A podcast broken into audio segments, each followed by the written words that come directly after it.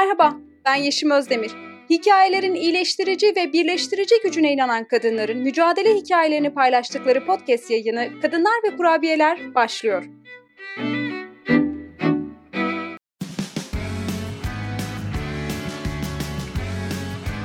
Oku, dinle, izle. Kısa Dalga. Merhaba canım kadın. Merhaba. Hoş geldin. Hoş buldum. Teşekkür ederim. Nasılsın? İyiyim. Teşekkür ederim. Sen nasılsın? Ben de iyiyim. Çok teşekkürler. Hitap edebilmek için hemen soruyorum. Bugün ne olmayı seçtin? Bugün ben gülmehinim. O ne demek? Bizim doğamızda, bizim yöremizde yetişen, çok zor dağların en uçlarında yetişen bir çiçek türü. Çok zor yetişen bir çiçek türü, çok zorluk görmüş bir çiçek türü. O yüzden ben gülmehin olmak istiyorum. Bütün bu zorluğuna rağmen ama çiçek açıyor değil mi? Yapacak bir şey yok. Biz bunun için varız. Kadınlar yaratıcıyız, yaratıyoruz. Yaratmakta yerimiz var. Çok güzel. Ee, hangi mevsimin çiçeği? Bahar mevsimlerinde çıkıyor daha çok ve çok yukarılarda çıktığı için çok zor erişiliyor. Çok özür dileyerek cahilliğimi e, mazur gör. E, bu çiçeği bilmiyorum. Bu çiçek nasıl bir çiçektir? Neye benzer? Rengi nedir? Bize biraz bu çiçeği anlatabilir misin? Estağfurullah. Şimdi bilmemen çok normal. Çünkü bizim yörenin, yöremizin bir çiçeği her yerde yetişmiyor. Ters lale deniyor Türkçe buna. Çok özür dilerim. Ne deniyor Türkçe'de? Ters lale. Ha tamam bildim. Ters lale. Evet. Evet ters lale. Ee, çok uçlarda yetişiyor, her yerde yetişmiyor. Dibi soğanlı bir çiçek. Çok kuvvetli bir çiçek yani. Tamam. Peki bize biraz kendinden bahseder misin? Seni biraz yakından tanıyalım. Burada anlatmak istediğin kadarını aktarabilirsin. E, ne kadarını aktarmak istiyorsan o kadarını aktarabilirsin. 37 yaşındayım. Anneyim.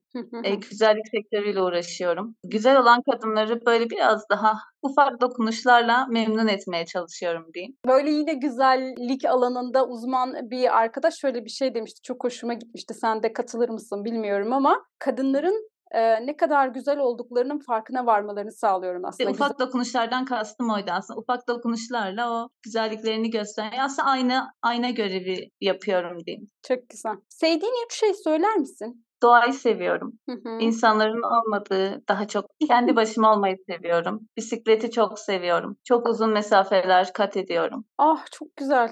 Şehir içinde turlar mı yoksa böyle yarışmalara Hayır. katılacak düzeyde mi? Hayır, yarışmalara katılma düzeyinde değil ama ben böyle e, bisikletin çok iyileştirici bir gücünün olduğunu düşünüyorum. Bisiklet sürdüğünde mesela araba sürer gibi değil. Araba sürdüğünde sadece yoldaki çizgileri görüyorsun ama bisiklet sürdüğün zaman doğayı görüyorsun, böcekleri görüyorsun. Vücut bulmuş halini görüyorsun doğanın her yerde. Yolda birçok böcek türü gördüm. Ben hayatımda yolda böceğin yürüyecek olacağına asla inanmazdım. Envai çeşit koku alıyorsun, ağaçların kokularını alıyorsun. Yani bisiklet benim için bir terapi. Çok güzel. Ben de bisiklet kullanıyordum bir zamanlar ama hayatın bir parçası haline getirenlere çok özeniyorum. Ben biraz öğrenciliğim döneminde işte okula gidip gelirken kampüs çok genişti. Kampüste bisiklet sürmek daha kolay oluyordu diye ama hiç böyle hayatın bir parçası haline getiremedim. Böyle her gün bisiklet kullanmak, her yere bisikletle gitmek gibi. Mesela o yüzden böyle bisikletin çok yoğun kullanıldığı şehirlere ya da ülkelere gittiğimde çok özeniyorum. Ya şöyle bisiklet benim uzvum artık. Çünkü ben çocuklar olmadığı sürece her yere bisikletle gidiyorum. Çünkü çocukları ben güvenli bulmuyorum yani arkamda taşımayı falan. Aklınıza gelebilecek her yere ben bisikletle gidiyorum. Evet, üç şey saydın mı bu arada? Doğa dedin, bisiklet dedin. Saydım, bisiklet doğa dedim, bisiklet dedim.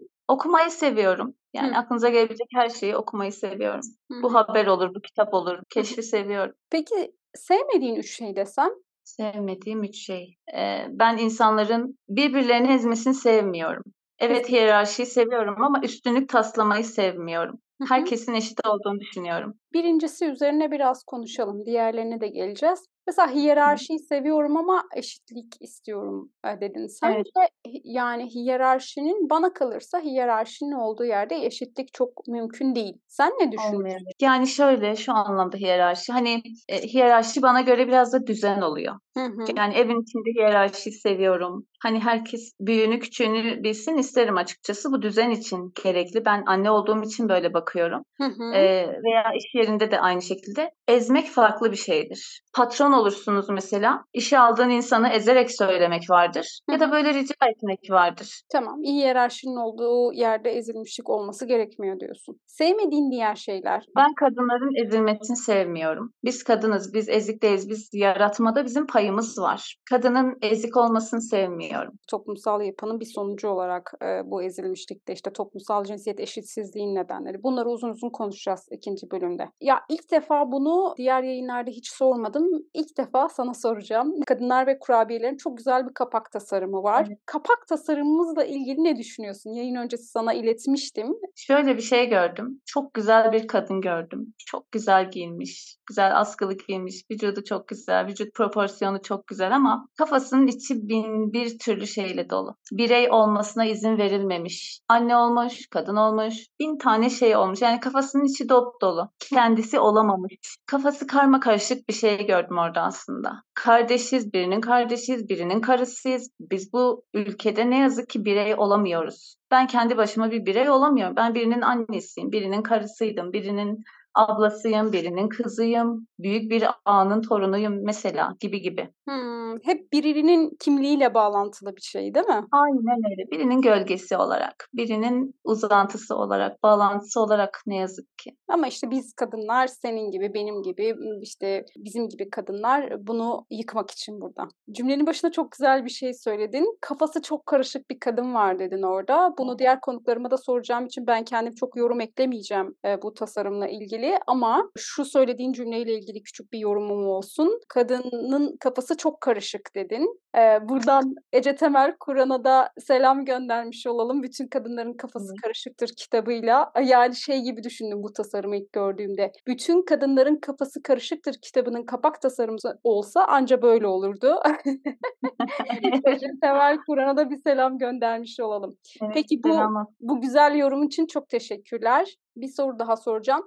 Sihirli bir gücün olsa bu nasıl bir güç olsun isterdin ve o güçle ne yapmak isterdin? Biraz düşünebilirsin. O düşünme sürecini ben kesip atarım. Dinleyiciler o sürede beklemek zorunda kalmazlar. Ya hiç düşünmeyeceğim. Aklıma hemen geldi. Çünkü ben çok çok düşünüyorum böyle bir şeyi. Çok isterdim. Ee, ben çaresiz bir şekilde hamile kalmış annelerin o evlatlarına gerçekten hepsine anne olmak isterdim. Hiçbir çocuğun annesiz büyümesini istemezdim. Ee, çok üzülüyorum. İnan çok üzülüyorum. Yani keşke öyle bir gücüm olsa da ben bütün annesiz çocuklara anne olabilsem. Bunu çok gerçekten çok isterdim. Ne kadar güzel bir şey söyledin. Yani anne olduğu halde, ebeveynler olduğu halde, anne baba olduğu halde bazen çocuklar ne kadar desteksiz, ne kadar şefkatsiz ve sevgisiz büyüyorlar. Ve o sevgisiz büyüyen çocuklar, o şefkatsiz, onaysız büyüyen çocuklar aslında hep bir türlü o yaraları saramıyorlar. Hasarlı bir yetişkinlik, hasarlı bir yaşamla mücadele etmek zorunda kalıyorlar. Bu anlamda söylediğin şey çok kıymetli. Peki bu bölümde bize kendinle ilgili anlatmak istediğin başka bir şey yoksa bu bölümü kapatıyorum. Çok güçlüyüm, çok mutluyum. Çok zavallıydım, çok eziktim, çok büzüktüm. Kendime gelmiş olduğum için kendimi alnımdan öpüyorum. Böyle. Ben de seni sevgiyle kucaklıyorum.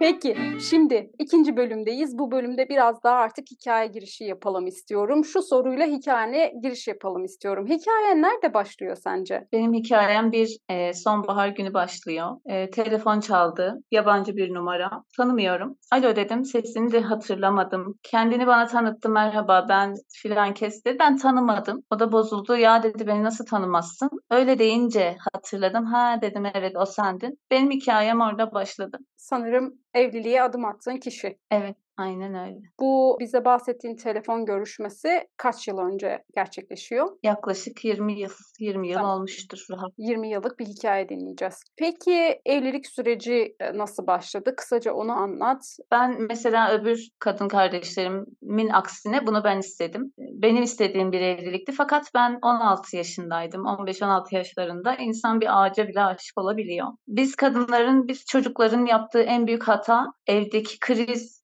ortamından kurtulmak adına başka bir krize girmek. Benim yaptığım tam olarak buydu. bunu yapmak yerine daha yönlendirilebilseydim aile bireylerim tarafınca daha farklı bir yerlerde olabilirdim ama ben çocukluğun vermiş olduğu cahillikle ateşten kaçayım derken cehenneme girmişim öyle diyeyim. Peki ateşten kastın ne? Evdeki ortama ateş e, diye nitelendirdin. Burada ateşten kastın ne? Mutsuz bir aile yapısı içinde miydin? Ya şöyle aslında onlar da hani biliyorsunuz bizim toplumumuzu işte birbirlerini sevmiyorlar, beğenmiyorlar. Sadece aileler istedi diye, uygun buldular diye, yakın olsun diye, uzağa gitmesin diye akraba evliliklerine danışılıyor. Gerçekten evde bir kaos ortamı sürekli vardı. Onlara da kızamıyorum çünkü onlar da çok mutsuzlardı. Bir anne baba mutsuz olunca çocuk mutlu olamıyor. Çünkü o evin ortamında mutluluk yok yani kırıntı bile yok. İşte bir ateşten kaçıp cehenneme gittim aslında dedim. Böyle tanımladın. Aslında orada bir eğitim sunulsa çocuklara, o genç kadınlara, daha sağlıklı bir seçenek sunulsa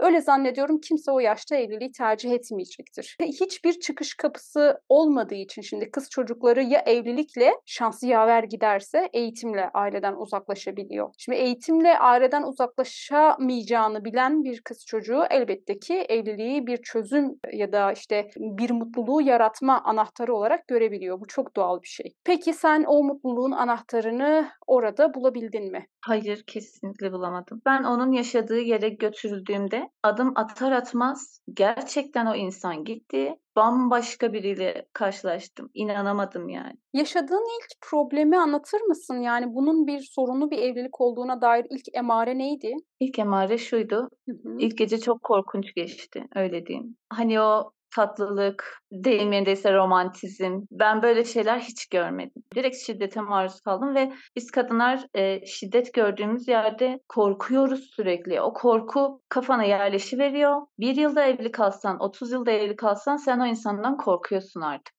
sevdiğin bir insanla evlendiğini düşünüyorsun. Doğru mu? Burayı kaçırmayalım. E, sevdiğin Doğru. bir insanla evlenmiş olduğunu düşünüyorsun ama o sevdiğin e, ne düşündüğün insandan evliliğin ilk gününde şiddet görüyorsun. Doğru. Aynen doğru. Çok kısa bir süre nişanlılık dönemim oldu ve ben o zaman okuyor okuyordum. Lise sondaydım. E, lise sonumu ben nişanlı olarak geçirdim ve biz aynı şehirde kalmıyorduk. Telefon üzerinden. Yani bir araya geldiğinde bile sen onu tanıyamıyorsun ki yani telefondan ne kadar tanıyabilirsin ki? Ben şöyle şöyle düşündüm. Dedim ki ya ben evet heyecanlıydım, korktum. Belki o da korkmuştur. Yok dedim ya böyle hani mutlaka o da heyecanlanmıştır diye böyle yaptı diye düşündüm. Herhalde bir daha olmaz diye düşündüm. Ben şu anki kafam olsaydı, şu anki aklım olsaydı o ilk şiddete maruz kaldığım günün sabahında sessizce giderdim. Evet belki sesli bir şekilde gidemezdim, izin vermezlerdi ama ne yapar eder sessiz bir şekilde bile olsa ben o ortamı terk ederdim. Bu coğrafyada şu algı var. İşte sen kızsın, affedersin hiç sevmediğim bir laftır. Kıza olan kız. Ya bu çok saçma sapan bir şeydir. Yani zaten o gelinliğe taktıkları kırmızı kurdale de çok canımı sıkıyor. Ne o hediye paketi yapar gibi. Korkmayın. Çünkü sonrasında daha çok korkunç şeylere maruz kalıyorsun ve o korkunç adam düzelmiyor. Siz kimsenin annesi değilsiniz. Kimseye annelik yapmayın. Çok güzel bir yere değindin. Yani birilerinin ebeveyni olma, birilerinin dadısı olma, birilerinin annesi olma. Kadınlardan bunu çok duyuyorum. Özellikle işte annelerimiz yani o kuşaktan, annelerimizin kuşağından şunu çok duyuyorum. İşte yuvayı dişi kuş yapar. Eşlerinizi değiştirin. Kötü huylarını siz değiştirebilirsiniz. Onları siz değiştirebilirsiniz. Yani bizim görevimiz sanki e, işte onlara annelik etmek, dadılık etmek, öğretmenlik etmek. Yani biz kadınlar e, bunu maalesef uzun bir süre hepimiz yedik. E, bize bunu yutturdular, bunu yedik ama hiçbirimizin böyle bir görevi yok. Aynı şekilde onların da bizim üzerimizde böyle bir görevi yok. Herkes kendinden mesul ancak. Ben ancak kendimi düzeltebilirim. Yani ancak kendimi geliştirmekle, düzeltmekle ilgilenebilirim. O anlamda güzel bir noktaya değindin. Dedin ki bunun bir sorun olduğunu, büyük bir sorun olduğunu düşünmedim. Muhtemelen bir daha karşılaşmayacağım bir sorun olarak onu oraya kapattım. Peki tekrar bu sorunla ne zaman karşılaştın? Sistematik bir şiddetin içinde kalmışsın 20 yıl. Hikayeni önden dinlediğim için biraz yardımcı olayım. O sistematik şiddetin içinde olduğunu ne zaman fark ettin?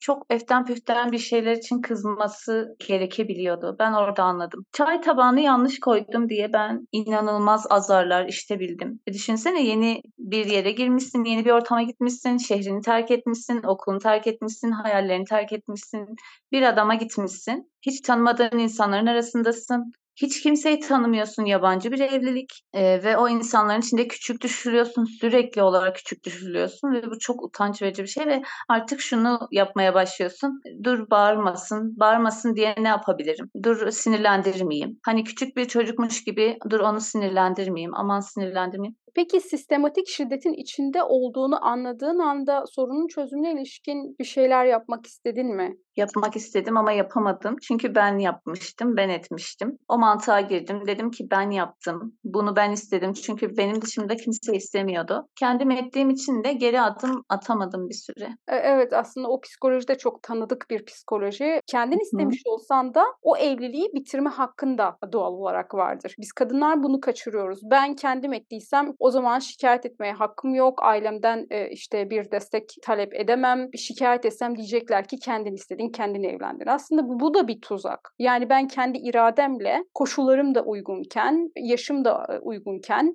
karşıdaki insan da çok bana uygunken evliliğe evet demiş olabilirim. Ama işler düşündüğüm gibi gitmemiş olabilir. Dolayısıyla da benim evliliği e, bitirme, sonlandırma, o ilişkiyi bitirme, sonlandırma hakkım her zaman bakidir. Ve aileler her koşulda e, buna destek vermek zorundalar aslında. Biz tabii ki ailelerimizin bu düşüncesinden dolayı o desteksizliğe maruz kalacağımızı düşünüp destek istemiyoruz aslında. Anladığım kadarıyla da senin de yaşadığın biraz bu oluyor. Oradan destek alamayacağını düşünüyorsun. Evet şöyle ya aslında biz böyle feodal bir e, zihniyetin içinde büyüdük. Dediğim gibi böyle ağalar beyler vardı evimizde. Biz öncüydük aslında. Yapmayalım ayıptır. Babamın başını eğmeyeyim. Çok saçma sapan bir cümledir. Kimsenin başını eğildiği falan yok. O adamdan çok korktum. Hani acaba dedim ben gitmek istiyorum dersem ne der? Nasıl tepki verir? Bana ne yapar?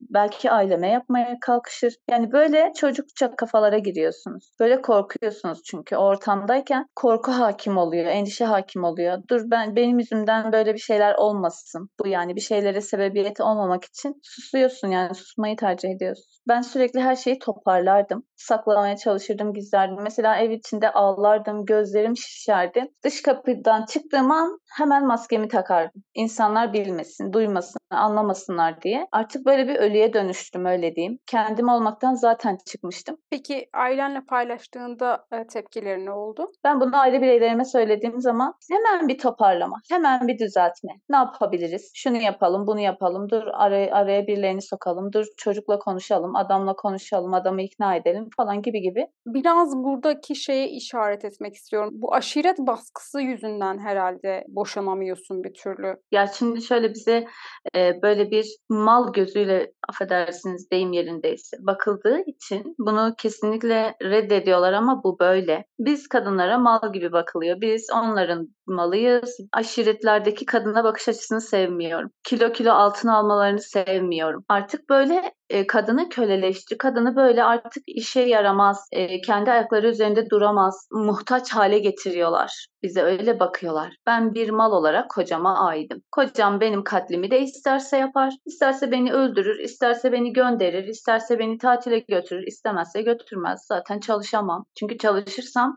farkına varacağım. Kendi ekmeğimi kazanırsam ona muhtaç olmadığımı göreceğim. Bu çok önemli bir detay. Bütün kadınların mücadele hikayelerinde mücadeleye başladıkları ilk adım genelde kadınların çalışmaya başladıkları ya da eğitimleri yarım kalmış ise eğitimlerini tamamladıkları noktada aslında kendilerini güçlü hissedip mücadeleye başlıyorlar. Bu gerçekten çok önemli bir nokta ve çok haklısın söylediğinde erkek egemen toplumlarda erkeklerin ya da işte o eril yapıyı besleyen kadınların o eril yapıyı güçlendiren kadınlar da var maalesef. O kadınlar da böyle düşünür. Kız çocuğu okumaz, kız çocuğu çalışmaz, kadın çalışmaz. Kadının evi yeridir. Çünkü kadın evin dışına çıktığında, o hayata katıldığında, o üretim sürecine katıldığında, birey olarak kendini, varlığını ortaya koyduğunda daha güçlü hissediyor. Ve tabii ki o şiddetle mücadele ediyor. O şiddetin içinden kendini kurtarabiliyor. Şimdi senin hikayene geldiğimizde çok katı kuralları olan e, bu aşiret sistemi içerisinde bu kadar böyle kıskaca alındığın bu e, sistem içerisinde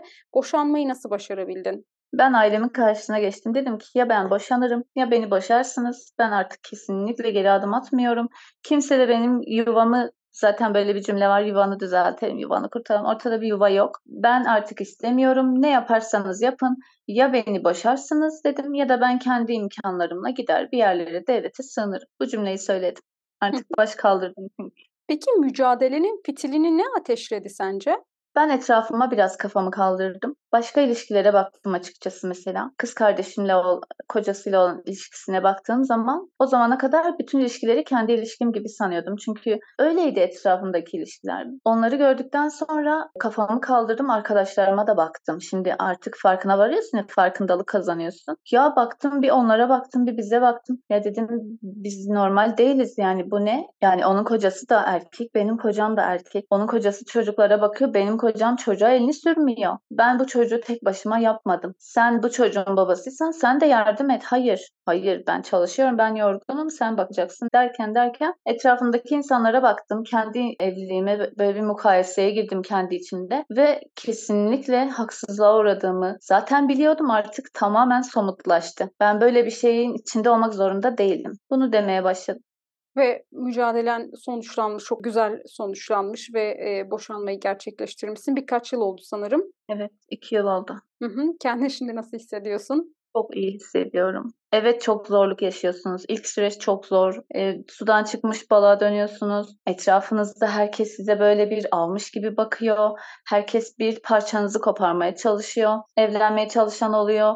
Sadece faydalanmaya çalışan çok oluyor. Bu olacak. Ama siz güçlü durursanız, sert durursanız, kesinlikle sadece kendi eğitiminize, kendi paramı nasıl kazanırıma odaklanırsanız insanları artık görmemeye başlıyorsunuz. Bu biraz zorlu ve ağrılı bir süreç ama inanın hayatının o evresi bütün evrelerden daha kıymetli. Tabii kendini var ediyorsun, kendini keşfediyorsun, kendini yeniden küllerinden doğuyorsun. Müthiş bir yeniden hayata dönüş süreci aslında. Zor da olsa aşmış geride bırakmış olmana çok sevindim. Eğer hikayenle ilgili bizimle paylaşmak istediğin, şunu da muhakkak anlatmak istiyorum dediğin başka bir şey yoksa bu bölümü bitiriyorum.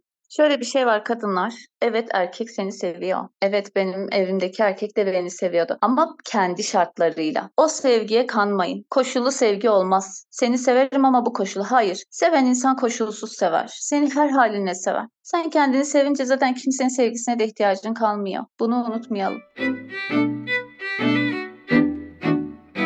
Peki, şimdi programın son bölümüne geldik. Yayına başladığımız gibi bitirelim, güzel bir enerjiyle bitirelim istiyorum. Biraz kelimelerle oynayacağız. Kelimeler ve çağrışımları bölümünde sana üç kelime vereceğim ve o kelimeler üzerine, o kelimenin sana hatırlattıkları üzerine biraz konuşacağız. Hazır mısın? Hazırım. Evet. İlk kelimen günlük. Tamam günlük. Ee, ilkokulda böyle hatıra defterlerimiz olurdu bizim. Biz bunu günlük aslında günlüktü de biz bunu hatıra defteri olarak kullanıyorduk. Böyle şeyle başlardık işte bana yüreğin kadar temiz bu sayfayı ayırdığın için. Günlük bana onu hatırlattı. Evet evet hatırladım ben de ilkokulda biz de yazardık böyle şeyler. Peki e, ilkokul dışında sonradan da günlük tutmaya böyle bir şeyleri yazmaya meyilin var mıydı? Ben yıllardır günlük tutuyorum çünkü biz e, birbirimize anlatamadığımız şeyleri günlüğümüze yazarız. Ben gidip ona anlatırsam bu benim bu sıkıntım ortaya açığa çıkacak ama birine anlatmasam da öleceğim. Öyle bir kaosun içinde olduğum için yıllardır günlük tutarım ben. Aslında ne kadar böyle dışarı kapalı olduğumuz bir dönem bile olsa hani dönem dönem dışa kapanırız, paylaşıma kapanırız, biraz içimize kapanırız ama öyle dönemlerde bile farkında mısın? Hep bir paylaşma isteğimiz var. İşte benim burada kadınlar ve kurabiyelerde hep bu paylaşım üzerine kurmaya çalışıyorum ya bir şeyleri. Bizim o paylaşma ihtiyacımız var. Biliyorum çünkü bunu. Bunu kendimden biliyorum, bunu senden biliyorum, bunu ondan biliyorum, öbüründen biliyorum. Yani bunları paylaşmaya ihtiyacımız var. En içe kapanık zamanlarımızda bir de işte o günlüklere, o kağıtlara bir şeyler yazmamızın nedeni bu aslında. O paylaşıma olan ihtiyacımız. Aynen öyle. Kesinlikle.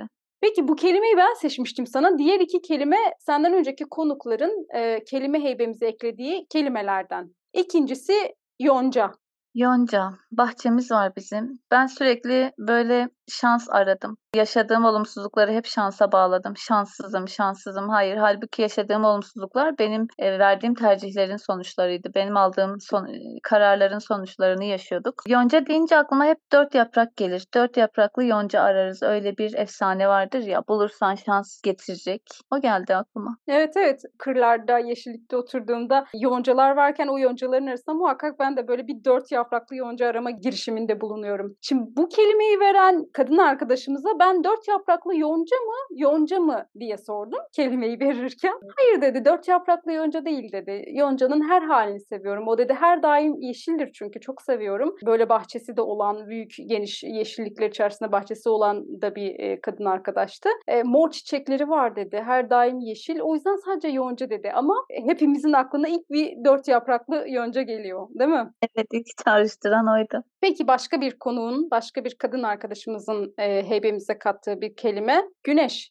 Güneş. Ee, güneş deyince aklıma göl geliyor. Biz gölü olan bir memlekette yaşıyoruz. Göle giderdik böyle. Göl dönüşü çok böyle yanardık. Ertesi gün kımıldayamazdık bile o kadar. Acırdı ama ben hayatımın en güzel dönemlerinin o zamanlar olduğunu bilemiyordum. Hı hı. Çocukluğuna özlem duyuyorsun. Çok. Hı hı. Ben de güneşin doğumuna ve güneşin batımına çok hayran bir insanım. Yani doğuşu da ayrı bir enerji, batışı da ayrı bir enerji. Gittiğim her şehirde hele ki bu gün doğumunu ya da gün batımını çok rahat izleyebileceğim binaların az olduğu bir yerse çok daha hoşuma gidiyor. Her şehirde bunun enerjisinin farklı olduğunu düşünüyorum. Yani aynı güneş sanki her şehirde farklı doğuyormuş gibi ve farklı batıyormuş gibi geliyor. O gün doğumlarını ve gün batımlarını çok seviyorum. Ben buralarda e, doğuda daha taze olduğunu düşünüyorum ben de. Burada daha taze doğuyor bence.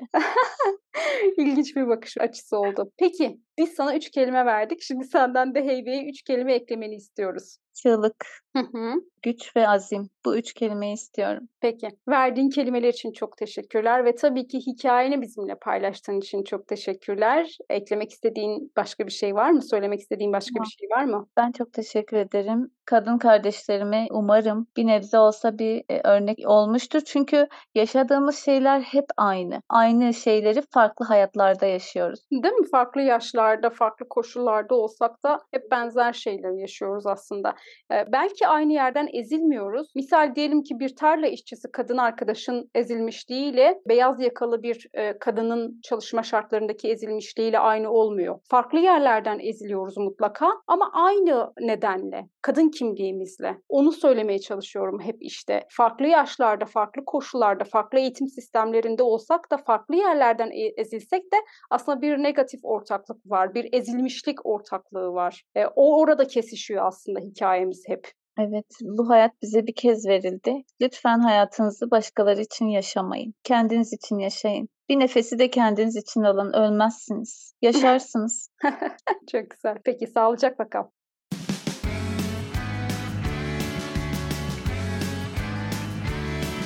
Kulağınız bizde olsun. Kısa Dalga Podcast.